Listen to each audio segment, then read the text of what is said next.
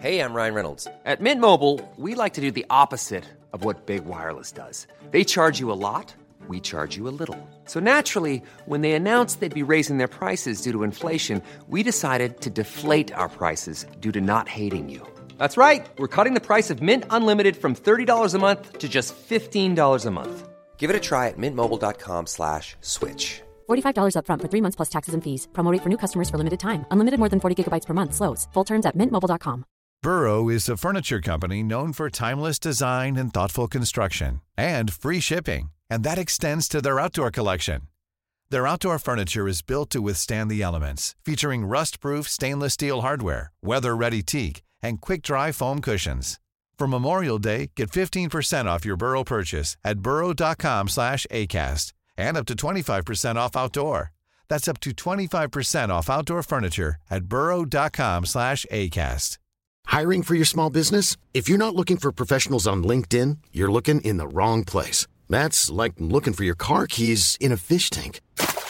LinkedIn helps you hire professionals you can't find anywhere else, even those who aren't actively searching for a new job but might be open to the perfect role. In a given month, over 70% of LinkedIn users don't even visit other leading job sites. So start looking in the right place. With LinkedIn, you can hire professionals like a professional. Post your free job on linkedin.com slash people today.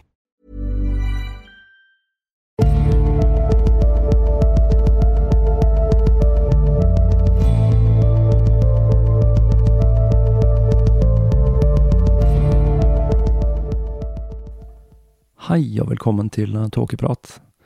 Jeg heter Even, og når jeg tar opp denne episode 99, så er det søndag den 31. mars 2019. Denne uka har vært litt uvirkelig for meg. Lørdag den 23. mars så døde min far uventet, bare 66 år gammel. Jeg sier uventet fordi han ble lagt inn på Ullevål på onsdag, hvorpå han falt i koma og døde noen få dager etter. De siste årene var han preget av en rekke plager, som blant annet benskjørhet og etter flere operasjoner og mye smerte, så orket rett og slett ikke kroppen hans mer. Så på en måte er det fint at han slipper med smerte, og det er også fint at han ikke var klar over hva som skjedde. Hvil i fred, far. For meg så har dette hatt en del praktisk betydning. Det er selvsagt tungt å miste foreldre, men samtidig så er det også mange ting å ordne opp i i forbindelse med gravferd og familie. Heldigvis så har familien min en lang erfaring med gravferd, Min far jobbet i gravferdsbransjen siden 1976, og jeg har barndomsminner fra å leke blant kister og gravstein. Selv så har jeg jobbet tre år med gravferd, og jeg kjenner godt til prosessen rundt dødsfall, noe som gjør at jeg og familien var godt forberedt når dette skjedde, til tross for at det kom uventet. I utgangspunktet så hadde jeg satt av den helgen til å forberede de to neste episodene av Tåkeprat, men som dere sikkert skjønner, så fikk jeg litt andre ting å prioritere. Så arbeidsprosessen med podkasten, den har gått noe seinere enn vanlig men jeg føler at det å rette blikket framover og jobbe jevnt og trutt med denne podkasten er viktig for å komme tilbake til hverdagen. Og nå har jeg iallfall fått ut denne episoden, og jeg begynner å komme inn i podkast-rutinen igjen. Det er altså mye nytt som skjer her i Tåkeprat. Mange av dere har sikkert fått med dere at jeg kommer til å gjøre en live-episode av podkasten i Fredrikstad den 2. mai. Dette er noe jeg har tenkt på å gjøre i lang tid, og jeg er fryktelig spent på hvordan dette vil fungere i praksis. Heldigvis så har jeg apparatet til moderne media i ryggen til å ordne det praktiske, så jeg kan fokusere fullt og helt på innholdet i denne episoden. Så får vi se hvordan det funker. Livepodcaster er et forholdsvis nytt fenomen, og ettersom denne podcasten i all hovedsak er meg som forteller historier, så kommer dette arrangementet nettopp til å være meg som forteller historier. Det er fascinerende at foredrag har fått en slags populærkulturell renessanse i de senere år, og det blir spennende å se hvordan dette fungerer for meg.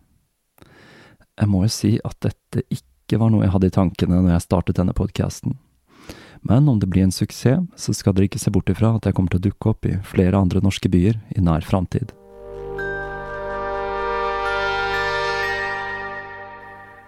Når jeg startet å jobbe med denne episoden, var ideen å lage en episode om ulike legender og mytologiske vesener fra de britiske øyer. Dette er et tema jeg har hatt liggende en stund, og her er det utrolig mye spennende å ta av. Men da jeg skulle begynne på dette temaet, så bestemte jeg meg for å begynne å se litt nærmere på druider. For nettopp druider er et tema jeg fikk som et ønske om å ta for meg her i Tåkeprat fra en lytter for en stund tilbake siden. Og der ble jeg sittende fasket. For jo mer jeg gravde, jo mer spennende ble temaet. og jeg bestemte meg for å kullkaste planen om å gå i bredden i britisk mytologi for kun å se nærmere på druider. Druider er et forferdelig ullent tema, og her kommer jeg sikkert til å tråkke feil flere steder. Dette dreier seg om svært gammel historie, og de fortellingene vi kjenner til, spenner seg over et tidsrom på ca 800 år, fra rundt 400 år før Kristus til 400 år etter. Så kjære akademikere, hold dere fast og ikke ta dette altfor høytidelig. For meg så er målet med denne episoden å danne et enkelt bilde om hva vi vet om de historiske druidene på en knapp halvtime. Alt vi vet om druidene, det har vi fra andre kilder, og ikke fra de selv, enten det dreier seg om romere eller grekere. Og det gjør også at alle historiene må tas med en klype salt. Selv er jeg ingen ekspert på historie fra denne epoken, og jeg får stole på historikeres tolkning av blant annet Cæsars beskrivelser, i tillegg til at jeg kanskje kommer til å spekulere litt. For når alt kommer til alt, så er druidene et mysterium vi aldri vil få et fullgod løsning på. Det vi vet, er at dette var en slags presteklasse i det førkristne Europa. Både menn og kvinner ser ut til å ha vært en del av denne klassen. Kvinnene som druideprestinner, eller banduri. Og religionen til druidene sto så sterkt at vi senere ser en sammenblanding av hva som nok er restene av druidenes religion og kristendom. Ikke det at det er så spesielt i seg selv, kristendommen tok jo til seg mang en hedensk høytid men det ser ut til at posisjonen druidene hadde i samfunnet, gjorde at de iallfall i en periode ble behandlet med stor respekt, også i møte med andre kulturer og religioner. De moderne druidene er en av de eldste neopaganistiske retningene, og vi har så vidt vært inne på det i serien om Gerald Gardner. Fortellingen om de mystiske druidene ble senere romantisert og utbrodert i det vide og det brede, og man har blandet det lille man visste med fantasi og ønsketenkning. Bildene av de vise, hvitkledde druidene og deres tilknytning til megalittiske strukturer er en som ble forankret i den britiske folkesjelen allerede på 1700-tallet, og det samme ser vi i Bretagne. En som er verdt å nevne i den forbindelsen, er poeten William Blake, som spekulerte i om det hellige landet var Storbritannia og ikke Israel, og at det bibelske Jerusalem lå like nærheten av Primrose Hill i London og ikke minst at det var Storbritannia som var opprinnelseslandet til patriarkalsk religion. Om han selv trodde på dette, det er derimot høyst usikkert. Dette førte til mange forsøk på å forsøke å gjenskape druidenes religion. Et av de mest kjente eksemplene er fra 1700-tallet, da den walisiske opiumsrøykende Edward Williams, som da brukte druidenavnet Får prøve her Jolo Morgwang, gjorde sitt ytterste for å gjenskape druidismen. Han hevdet å ha funnet noen gamle walisiske kilder som beskrev tradisjoner som stammet tilbake til druidene, og han satte sammen en seremoni han kalte for gorsed. Denne ble utført for første gang høstjevndøgn i 1792.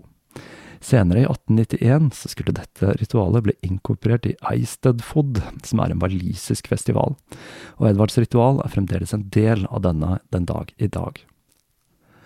Så stas syns folk det var med druider at field marshal Henry Seymour Conway, som var borgermester på Jersey, fikk en ekte megalittisk struktur i gave når han pensjonerte seg fra stillingen. Og denne flyttet han da hjem i hagen sin i Berkshire, hvor den står den dag i dag. Etter hvert begynte også diverse druidesamfunn og losjer å se dagens lys. Men det er ikke moderne druider denne episoden skal handle om, men de klassiske kildene og beskrivelsen av denne klassen i det førkristne europeiske samfunnet. Julius Cæsar skrev at druidene var ansvarlig for religion, og at de styrte offentlige og private ofringer og tok alle religiøse avgjørelser. Cæsars beskrivelser av druidene er en av de kildene vi har å forholde oss til. Men her kan det jo tenkes at den godeste Julius ikke var helt uten bias i sine beskrivelser.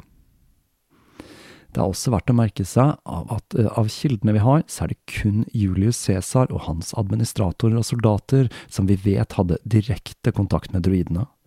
De andre kildene vi har, satte sammen beskrivelsene sine, enten av hva de ble fortalt, eller av eldre kilder som har gått tapt. I tillegg så benyttet nok også Cæsar seg av eldre kildemateriale i sine beskrivelser av druidene. Mange av disse gamle kildene, med så mye annen kunnskap, forsvant med ødeleggelsen av biblioteket i Alexandria.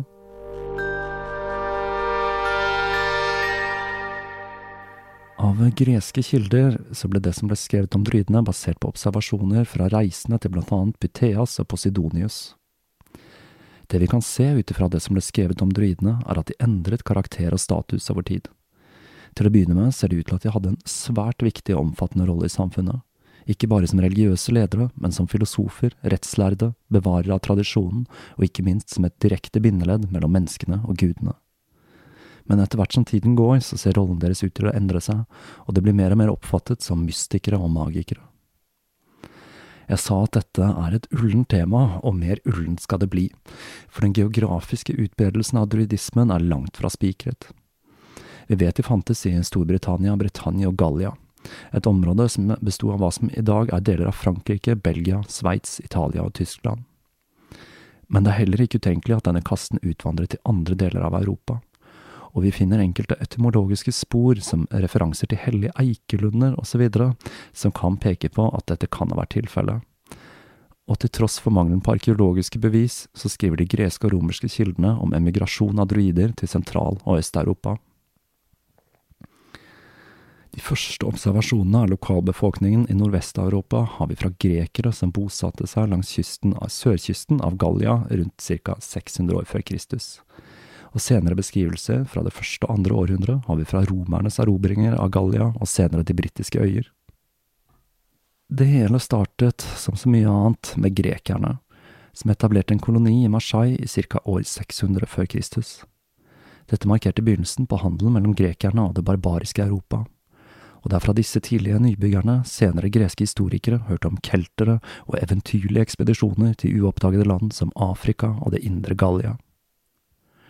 En av disse oppdagerne var Pytheas, som utforsket Nord-Europa, og han kan ha kommet så langt som til Island. I år 320 før Kristus skrev han boka På havet. Denne eksisterer ikke lenger, men den er mye sitert av senere historikere, blant annet av Timaeus av Tauromenium, som brukte Pythea som hovedkilde til historien om det ville nord. En annen relevant gresk kilde er Hekata... Disse greske navnene, altså. Hekataeus av Abdera. Han sto bak enda en av disse tapte bøkene, om hyperboeranerne. Og nå tenker jeg blodet bruser i årene på dere Robert E. Howard-fans der ute for Hyperborea er nettopp verdenen Howards Konan levde i. Dette mytologiske landet skulle eksistere langt mot nordvest, og Hekataeus beskrev det på følgende måte. I regionen bortenfor landet til kelterne ligger det et hav med en øy ikke mindre enn Sicilia. Denne øya ligger i nord og er bebodd av hyperboranerne, som blir kalt det siden deres hjemland ligger bortenfor der nordavinden blåser. Han forteller også at folket der var vennlige, og at de tilba Apollo i sirkulære templer, noe som indikerer at dette kan dreie seg om en månekult. Og de sirkulære templene kan være en referanse til de mange steinsirklene på de britiske øyer. Han refererer også til en syklus på 19 år, til pleiadene og til vår- og høstjevndøgn. Selv om dette, som så mye annet i denne episoden, er spekulasjon, så kan dette være en av de første referansene til en månebasert kult på de britiske øyer, nettopp i den perioden vi vet at druidene var aktive. Det som er slående med disse tidlige beskrivelsene av druidene, er den høye aktelsen grekerne hadde for dem. De blir sett på som filosofer og tenkere i det barbariske nord, og grekerne sammenlignet de med vismenn fra de store kulturene, som den egyptiske og den indiske. Det fortelles også at det var tre spesifikke klasser i disse samfunnene som var høyt aktet. Barder, vates eller auger og druider. Barder var altså sangere og poeter, og de ble sagt å ha enorm makt med sine sanger, hvor de med ironi kunne få selv den mektigste krigsherre til å virke tåpelig, eller kunne hylle og skape helter og sagn med visene sine. Vates eller augur, jeg har da litt problemer med en god oversettelse av dette ordet, det var en presteklasse, og det er litt interessant å se at det skilles mellom disse og druidene. Ut ifra dette så kan vi konkludere med at druidene var noe mer enn bare prester. Strabo skrev. Druidene studerer i tillegg til naturen moralsk filosofi. Man tror at de er det mest rettferdige blant mennesker, og de er derfor ansvarlig for beslutninger som påvirker individ og samfunn. Disse menneskene, så vel som andre myndigheter, har uttalt at menneskets sjel og universet er udødelige, selv i tider der ild og vann seirer. Cæsar kunne også fortelle om druidenes tro på en udødelig sjel og reinkarnasjon, og han la til. De har lange debatter om himmellegemene og deres bevegelser, om størrelsen på universet og jorda, om egenskapene til den fysiske verden og om kraften og egenskapene til de udødelige gudene, emner de også instruerer elevene sine i. Det som er spennende her, er at både de greske og romerske kildene beskriver druidene som filosofer som trodde på en udødelig sjel, og som studerte naturen og astronomi. Det at druidene hadde en inngående kjennskap til astronomi, og det at de fulgte en månekalender, er noe som blir bekreftet av arkeologiske funn. Månens betydning for religiøse festivaler er også noe som blir veldig godt illustrert av den eneste fullstendige beskrivelsen av et druideritual vi har, som nedtegnet av Pliny. Det druidene holder som det aller helligste er mistelteinen, og treet det vokser på dersom dette er en eik. De velger seg ut en lund på grunn av dette treet alene, og de utfører ikke ritualer uten en gren fra det. De tror at alt som vokser på det er sendt fra himmelen, fra selve guden. Misteltein finner man derimot sjelden på eik, og når man først finner den, blir den høstet i en seremoni som om mulig finner sted på den sjette dagen av månen. De velger denne dagen fordi selv om månen enda ikke er halvfull, så har den betydelig kraft. De navner mistelteinen i det navnet som betyr helbredelse. De forbereder et rituelt offer og måltid under treet, og fører to hvite oks okser som ved denne anledningen har fått hornene bundet for første gang. En prest kledd i hvitt klatrer opp i treet, og med en gullsigd kutter han mistelteinen som blir fanget i et hvitt klede. Etter dette ofrer de de utvalgte ofrene If you're looking for plump lips that last, you need to know about Juvederm lip fillers. With Juvederm Volbella XC and Juvederm Ultra XC, your lip look, whether it's subtle or bold, can last up to one full year with optimal treatment and no additional maintenance. Find a licensed specialist and see if it's right for you at juvederm.com today. That's J U V E D E R M.com. Add fullness to lips in adults over 21 with Juvederm Volbella XC or Juvederm Ultra XC. Do not use if you have severe allergies or a history of severe allergic reactions, or if you're allergic to lidocaine or the proteins used in Juvederm. Tell your doctor if you have a history of scarring or taking medicines that decrease the body's immune response or that can prolong bleeding. Common side effects include injection site redness, swelling, pain, tenderness, firmness, lumps, bumps, bruising, discoloration, or itching. As with all fillers, there's a rare risk of unintentional injection into a blood vessel, which can cause vision abnormalities, blindness, stroke, temporary scabs, or scarring. For full important safety information, visit juvederm.com. Hey, it's Ryan Reynolds, and I'm here with Keith, co star of my upcoming film, If, only in theaters, May 17th. Do you want to tell people the big news? All right, I'll do it. Sign up now and you'll get unlimited for $15 a month in six months of Paramount Plus Essential Plan on us. Mintmobile.com slash switch. Upfront payment of $45 equivalent to $15 per month. Unlimited over 40 gigabytes per month. Face lower speeds. Videos at 480p. Active Mint customers by 531.24 get six months of Paramount Plus Essential Plan. Auto renews after six months. Offer ends May 31st, 2024. Separate Paramount Plus registration required. Terms and conditions apply if rated PG. og ber om at Gud vil gjengjelde offeret til de som har gitt det til han. De tror at misteltein gitt i en drikk kan gjøre ufruktbare dyr fruktbare igjen, og at den fungerer som en motgift mot alle typer gift. I tillegg til å vekke assosiasjoner til Astrix og Miraculix, så blir vi her også introdusert for et annet tema som skal dukke opp igjen og igjen i fortellingen om druidene, nemlig menneskeofringer. Pliny skrev denne beskrivelsen i det første århundret, og vi vet ikke hvilke kilder han brukte. Men det vi vet, var at han ikke var med på dette ritualet han beskriver. Pliny skriver også en annen ting som er av interesse, nemlig at ordet for druide henger sammen med det greske ordet for eik, dru, og det gjør at man kan spekulere i om den andre delen av ordet kommer fra vidd eller kjennskap til, noe som gjør at druide betyr noe i retning av de med kjennskap til eika. Med utgangspunkt i de greske kildene så kan vi tegne et bilde av druidene som en slags blanding av prester, vitenskapsmenn og filosofer, som de som kjente til himmelen og årstidenes gang, og som vismennene til Nord-Europas barbariske stammer. Men dette bildet skulle endre seg når romerne begynte sine erobringer, for de skulle tegne et langt mer blodig bilde av druidene og deres funksjon.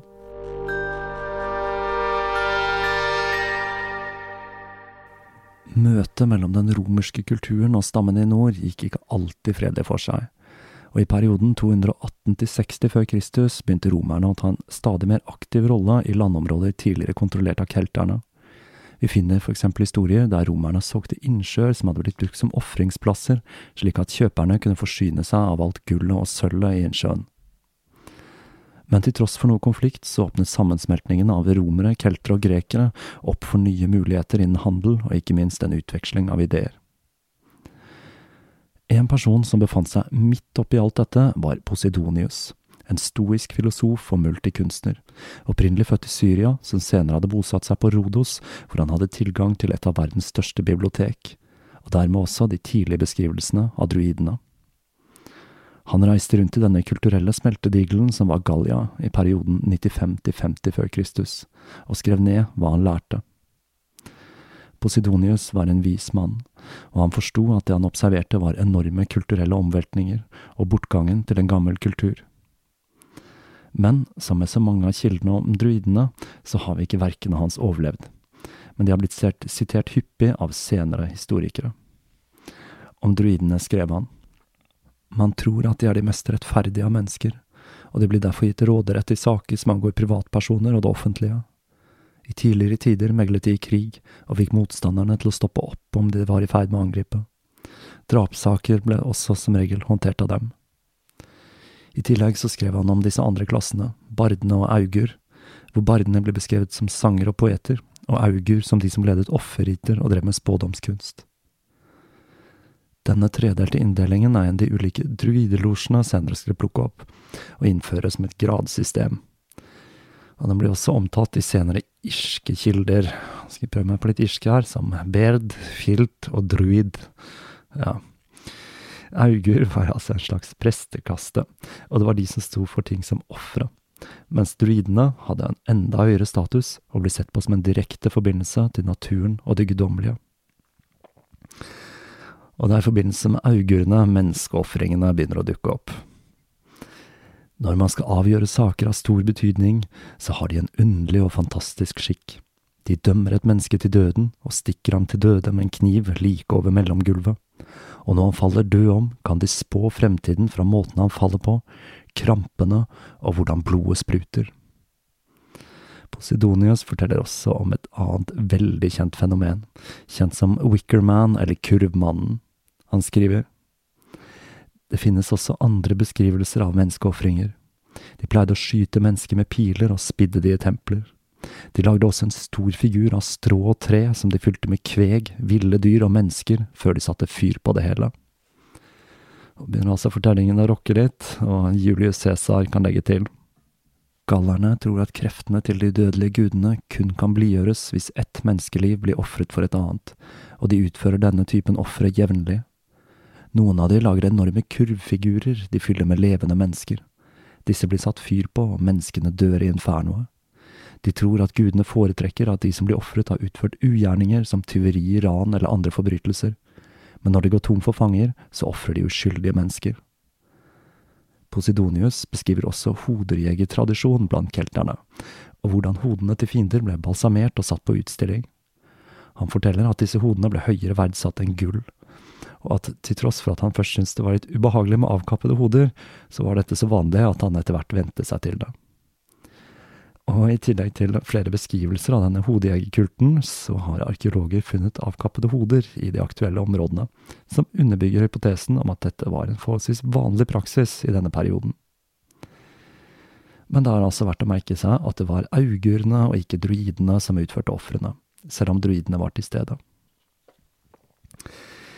Det dukker også opp flere beskrivelser av hva som må kunne kalles fantastiske steder i disse fortellingene til Posidonius. Jeg skal ikke ta for meg alle her, det får jeg spare til den britiske folketroepisoden min, men en artig liten fortelling føler jeg er verdt å ta med her, og det er om en hellig øy ved utløpet til Loire. Det som gjør denne øya spesiell, er at den kun var befolket av kvinner. Det beskrives at disse kvinnene var besatt av Dionysos, altså vinguden. Menn var forbudt å gå i land på øya, men kvinnene de fikk lov til å reise til fastlandet på jakt etter seksuell tilfredsstillelse. En gang i året så fjernet de taket på tempelet på øya og la det på nytt. Dette skulle gjøres i løpet av én dag, og som en del av ritualet ble en av kvinnene som bar materialer til taket, skubbet over ende. Hvorpå hun ble revet i biter av de andre kvinnene, og kroppsdelene hennes ble paradert rundt tempelet mens de messet EUI. Hm.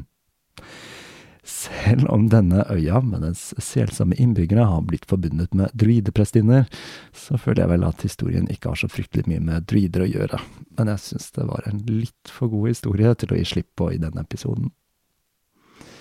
Bortsett fra øyer med fulle damer som river hverandre i biter, så beskrev Posidonius et samfunn med en kompleks og innfløkt religiøs struktur, hvor druidene var den øverste klassen.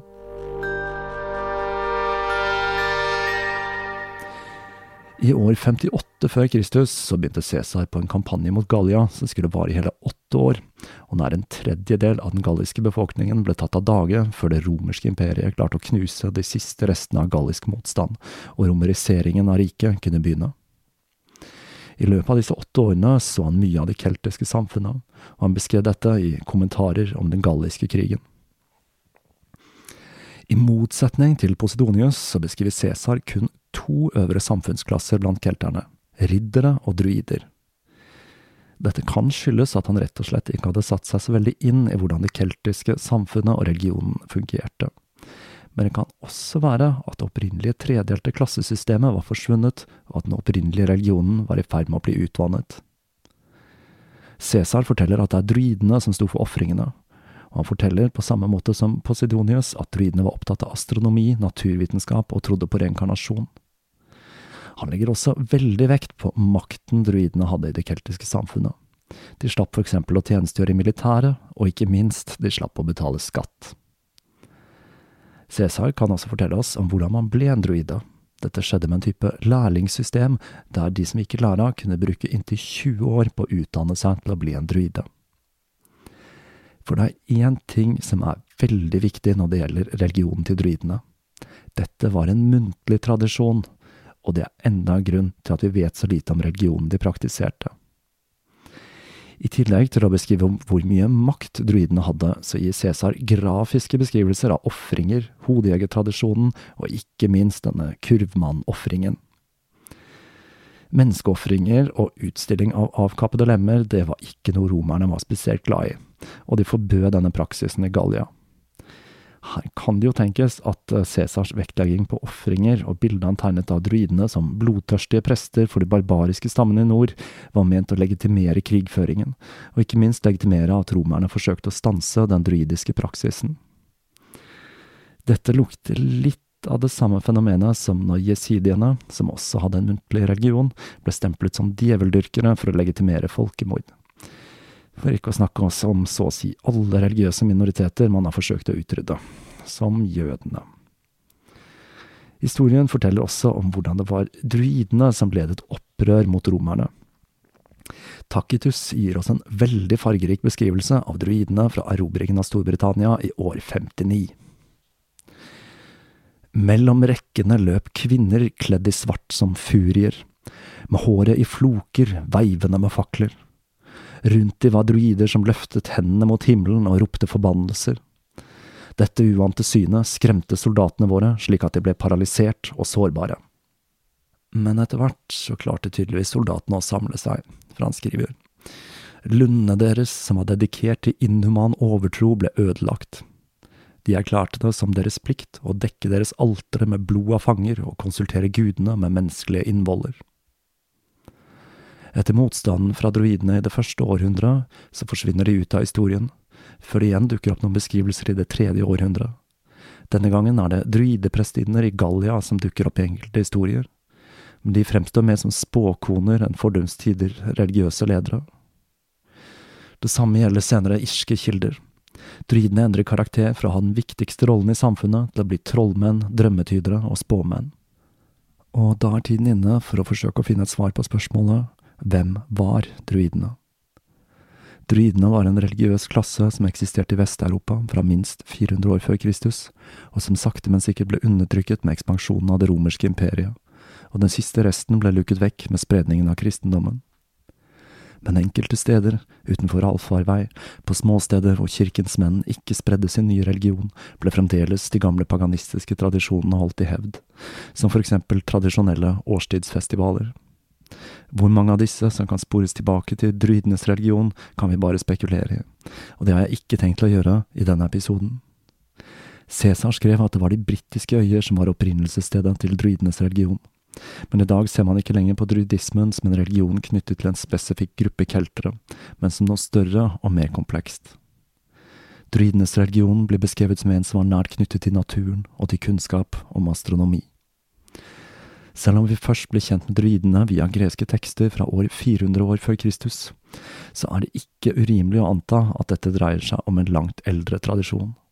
En som kanskje stammer tilbake til tiden da mennesker ble mer og mer avhengig av jordbruk og hadde behov for en dypere forståelse av årstidene for å få mest mulig ut av avlingene sine.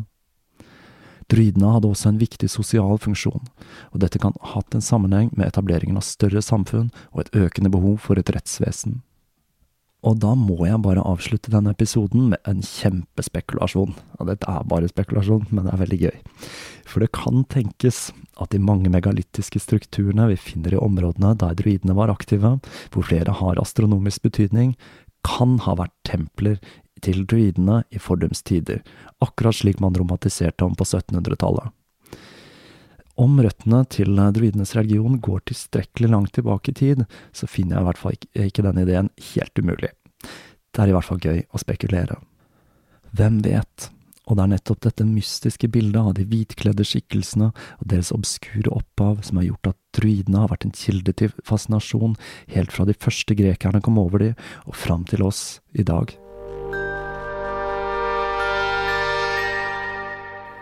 Og det var en veldig kort oppsummering av de historiske druidene. Jeg håper jeg har klart å presentere dette temaet, som er basert på ekstremt tørre kilder, på en spiselig måte. Jeg har valgt å holde meg mest mulig til de originale fortellingene, og ikke utbrodere for mye om mulige sammenhenger mellom druidene og senere paganistiske tradisjoner på de britiske øyer. For her er det ganske mye gøy man kan spekulere i. Men dette er kanskje noe jeg kommer tilbake til ved en senere anledning.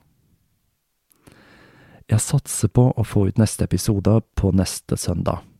Men siden det er en del ting som skjer her om dagen, så må det bli med forbehold om at ting går på skinner i privatlivet. Før neste søndag så har jeg en begravelse og en minnetale å forberede, og det er naturlig nok min første prioritet.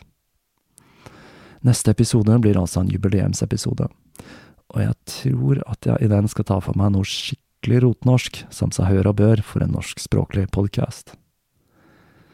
Fram til denne episoden så vil jeg avslutte med å takke for alle kondolanser og all støtte jeg har fått denne tiden. Det er noe jeg setter veldig pris på. Og da gjenstår det bare å si på gjenhør.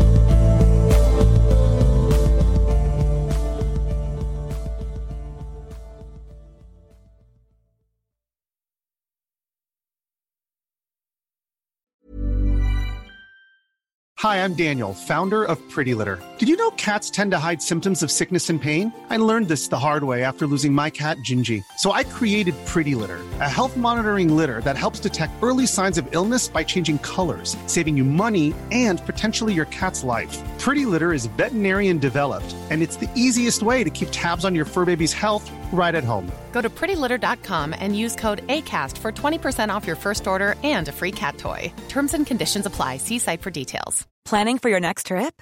Elevate your travel style with Quince. Quince has all the jet setting essentials you'll want for your next getaway, like European linen, premium luggage options, buttery soft Italian leather bags, and so much more. And is all priced at 50 to 80% less than similar brands.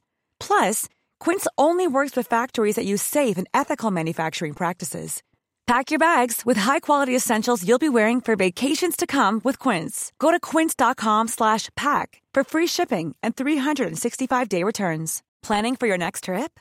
Elevate your travel style with Quince. Quince has all the jet-setting essentials you'll want for your next getaway, like European linen, premium luggage options, buttery soft Italian leather bags, and so much more. And is all priced at 50 to 80% less than similar brands.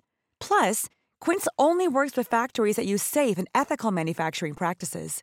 Pack your bags with high-quality essentials you'll be wearing for vacations to come with Quince. Go to quince.com slash pack for free shipping and 365-day returns.